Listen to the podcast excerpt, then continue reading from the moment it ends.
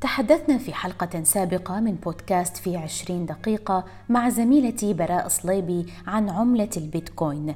هذه العملة الرقمية اللامركزية التي شهدت ارتفاعا فلكيا بسعرها بملامستها حاجز الخمسين ألف دولار منذ حوالي أسبوعين.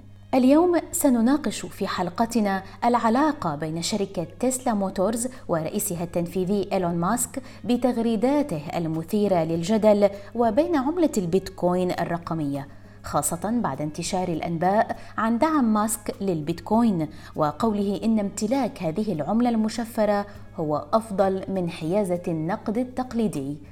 أهلا بكم. بدأت القصة في الأسبوع الأول من شهر شباط فبراير الماضي عندما أعلنت شركة تسلا أنها اشترت عملة بيتكوين بقيمة مليار ونصف المليار دولار. وفي ملف قدمته إلى هيئة الأوراق المالية والبورصات الأمريكية قالت الشركة إن الهدف من شرائها لعملة البيتكوين هو توفير المزيد من المرونة لتنويع وتعظيم عوائدها. وقالت شركة تسلا أيضا إنها ستبدأ في قبول الدفع بعملة البيتكوين مقابل منتجاتها وذلك وفقا للقوانين المعمول بها وعلى نطاق محدود في البداية.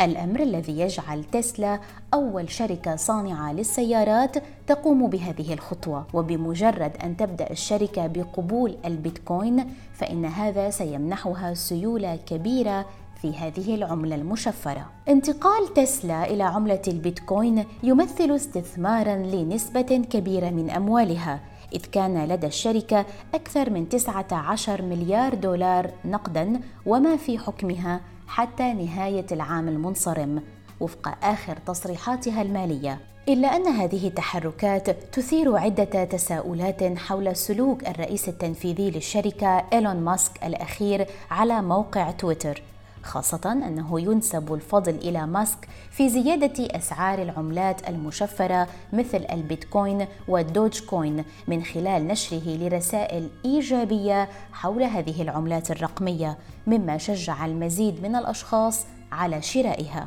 ملياردير تسلا كان قد أضاف هاشتاغ بيتكوين إلى سيرته الذاتية على تويتر وهي خطوة ساعدت على رفع سعر العملة المشفرة بنسبة تصل إلى 20% كما أنه تحدث على موقع التواصل الاجتماعي كلوب هاوس قائلا إن البيتكوين شيء جيد في هذه المرحلة وأنا من مؤيديه.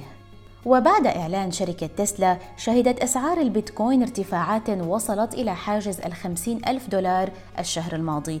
كما ارتفعت أسهم شركة تسلا موتورز بأكثر من 2% في ذات الفترة. لكن آخر التحديثات في هذا الملف أعلن عنها يوم الاثنين الثامن من آذار مارس الجاري وتشير إلى حدوث انخفاض بالقيمة السوقية لشركة تسلا بما يقرب من 300 مليار دولار منذ ارتفاعها القياسي في السادس والعشرين من كانون الثاني يناير إلى 550 مليار دولار. جاء هذا التراجع مدفوعا بقلق المستثمرين من ارتفاع أسعار الفائدة والتخلص من الأسهم عالية القيمة خلال الأسابيع الأخيرة. كما تراجعت أسهم الشركة بأكثر من 4% لتسجل انخفاضا بنسبة 35% تقريبا. وبحسب رويترز فإن الارتفاع الذي شهدته أسهم شركة تسلا موتورز خلال الأشهر الأخيرة كان نتاج توقعات بالتوسع في إنتاج السيارات بسرعة وبشكل مربح. لكن التراجع الأخير هذا جاء بعد تغريدة للرئيس التنفيذي إيلون ماسك حول تحديث خطة تسلا للشاحن السايبر تراك في الربع الثاني، الأمر الذي أربك المستثمرين. كما يشير بعض الخبراء إلى وجود سبب آخر لتراجع تسلا وهو الإعلان الذي قامت به الشركة يوم الثامن من شباط فبراير بشأن الاستثمار بعملة البيتكوين. وجاء الانخفاض الحاد في أسهم تسلا بعد تصريحات لماسك قال فيها إن أسعار البيتكوين ومنافسها الأصغر إيثر تبدو مرتفعة تغريدة جاءت بعد أسبوعين فقط من إضافة تسلا لمليار ونصف المليار دولار من البيتكوين إلى ميزانيتها العمومية كما أسلفنا وإعلانها عن قبول العملة المشفرة كوسيلة للدفع لسياراتها الكهربائية. صفقة تسلا رفعت القيمة السوقية للشركة فوق تريليون دولار لأول مرة ورافقتها قفزة هائلة في أسعار البيتكوين أيضاً. إذ تجاوزت قيمة العملة المشفرة 58 ألف دولار للمرة الأولى يوم الأحد الحادي والعشرين من شباط فبراير وهو ما يقرب من ضعف قيمتها حتى تاريخ السابع والعشرين من كانون الثاني يناير الماضي.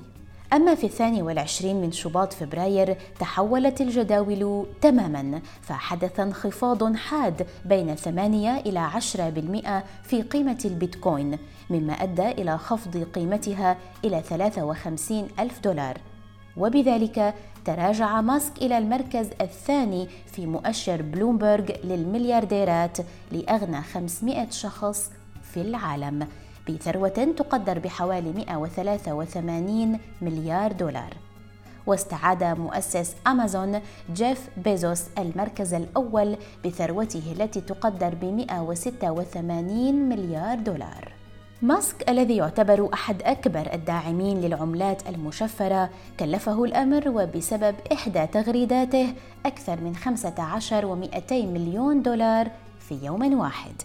حدث ذلك عندما تراجعت أسهم شركة تسلا بنسبة 8.6% يوم الاثنين الثاني والعشرين من شباط فبراير الماضي مما أدى إلى القضاء على ثروة ماسك الذي لم يعد أغنى رجل في العالم.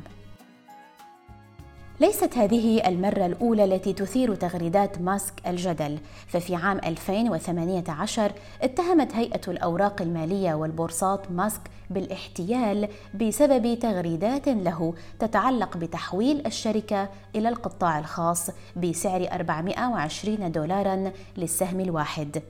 لكن ماسك توصل في النهاية إلى تسوية مع هيئة الأوراق المالية والبورصات واضطر للتخلي عن دوره كرئيس لمجلس إدارة الشركة ودفع غرامة مالية ضخمة تقدر ب 20 مليون دولار.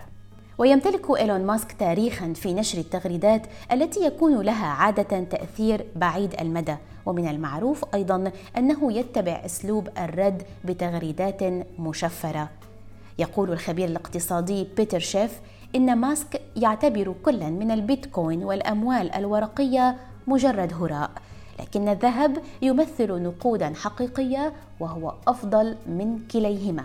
وكان ماسك قد صرح سابقا بأن قيمة النقود الورقية لا تتعلق بقيمة المعادن الثمينة ولكنها قائمة على الاعتقاد العام بأن لها قيمة. فبحسب ماسك رسالة البريد الإلكتروني التي تقول لك إن لديك ذهبا لا تعني امتلاكك للذهب. المال هو مجرد جزء من المعلومات التي تسمح لنا بالحصول على خيارات أوسع، فهي كأي بيانات من الممكن أن تخضع لعامل التوقيت والخطأ. لكن ماسك يثق أن النظام الحالي سيتطور باتجاه التقليل من هذه المخاطر بحسب قوله. عن ماسك وتغريداته المثيرة للجدل وتأثيرها على السوق والاقتصاد العالمي يحدثنا أكثر ضيفنا الأستاذ محمود عوض الكريم الكاتب والمحلل السوداني. لم تمضي سنة واحدة منذ أن نشر ساتوشي ناكاموتو ورقته العلمية عن ما يعرف بالبيتكوين والتي تبنت فكرة البلوك تشين عن طريق دمج عدد من تقنيات المعلومات مع بعضها البعض. حتى انقلب سوق الأسهم والتعاملات رأسا على عقب وظهر جليا أن قيمة العملة أو السهم في السوق يمكن أن تكتسب قيمتها فقط عن طريق إجماع عدد معين من الأفراد أو المؤسسات عليها. فارتفاع أسهم شركة جيم ستوب في شهر فبراير من العام الحالي خير دليل على ذلك. والذي عقبه ارتفاع أسهم شركة سيجنال بالرغم من أن ارتفاع أسهم جيم ستوب كان لأسباب غير موضوعية اقتصاديا فإن ارتفاع أسهم سيجنال كان بمحض الصدفة. فبعد إعلان شركة فيسبوك عن لوائحها الجديدة والتي اعتبرها الكثيرون انتهاكا لخصوصيتهم اقترح إيلون ماسك مؤسس شركة تسلا برنامج سيجنال كبديل لبرنامج واتساب في تغريدته الشهيرة use Signal.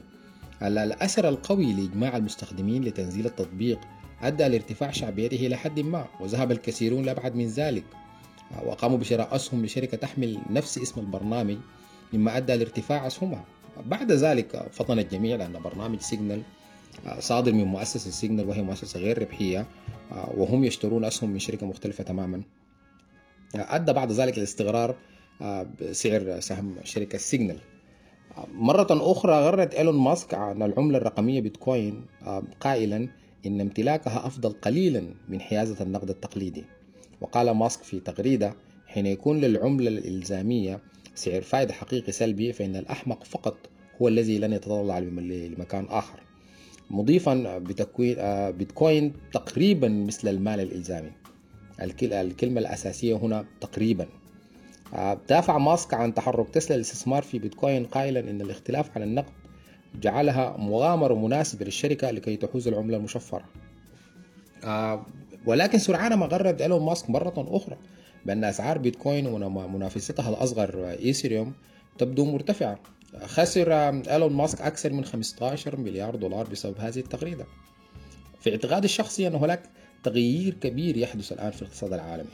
فقد ثبت جليا وبالتجربة خلال شهر واحد أن قيمة أي منتج مادي أو معنوي لا تخضع لا تخضع فقط لقيمة المنتج نفسه من حيث جودته أو تأثير الأحداث السياسية والطبيعية عليه.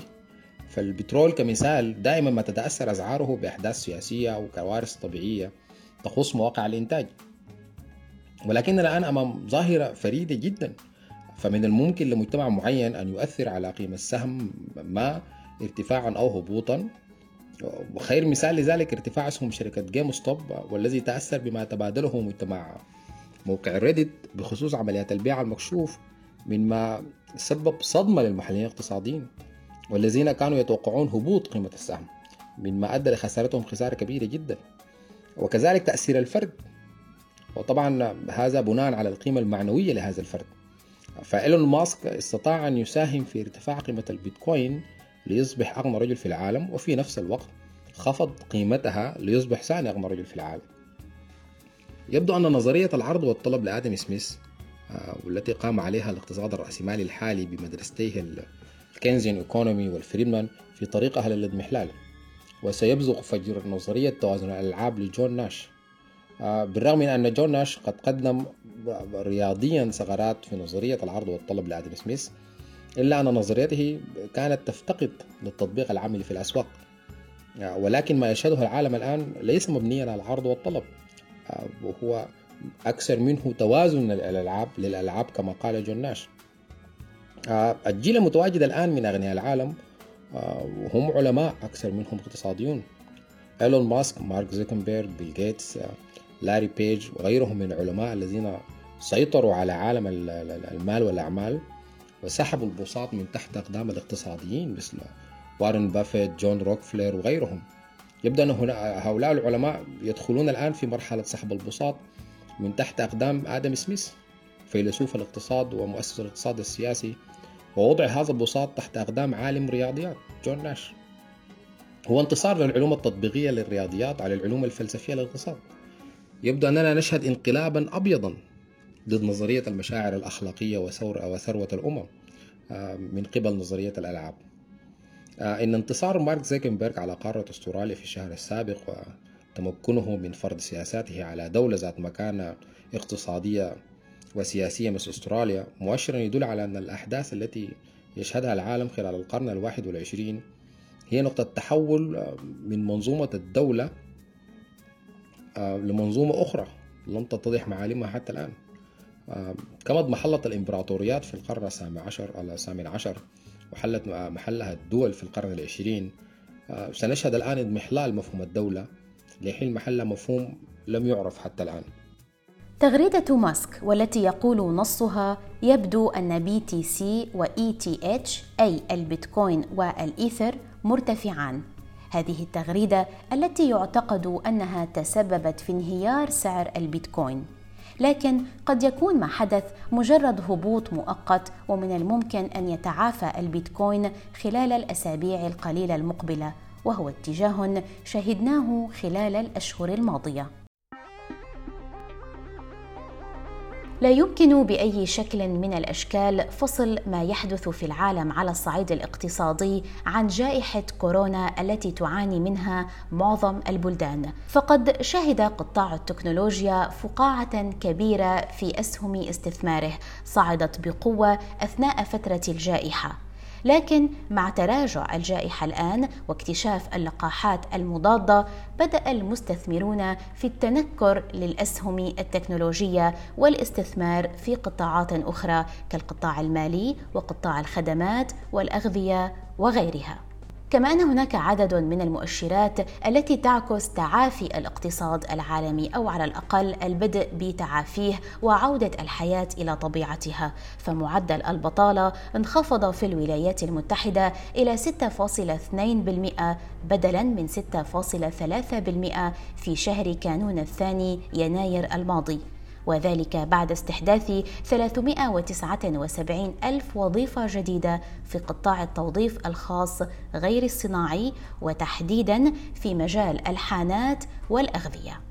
وعلى الجانب الآخر من العالم يبدو أن الاقتصاد الصيني يبدأ أيضا بالتعافي ومن المعروف أن الاقتصاد الصيني هو أحد أكبر اقتصادات العالم. فقد ارتفع معدل الصادرات بنسبة 50.1% في أول شهرين من العام الجاري مقارنة بها قبل عام مضى بينما زادت الواردات 14.5% كما ارتفعت نسبة العمل في المصانع بنسبة 79% وهو الأمر الذي يتم ربطه عادة بعودة معدل التلوث لما كان عليه قبل جائحة كورونا.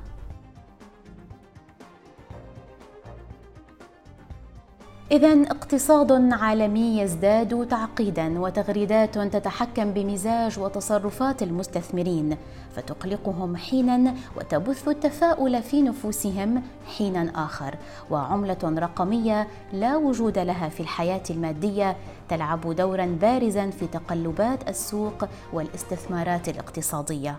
كانت معكم نور الحصني في الإعداد والتقديم وهذه نهاية حلقة اليوم من بودكاست في عشرين دقيقة. شكرا لكم على الاستماع إلينا ونلتقي في حلقة جديدة على راديو الآن.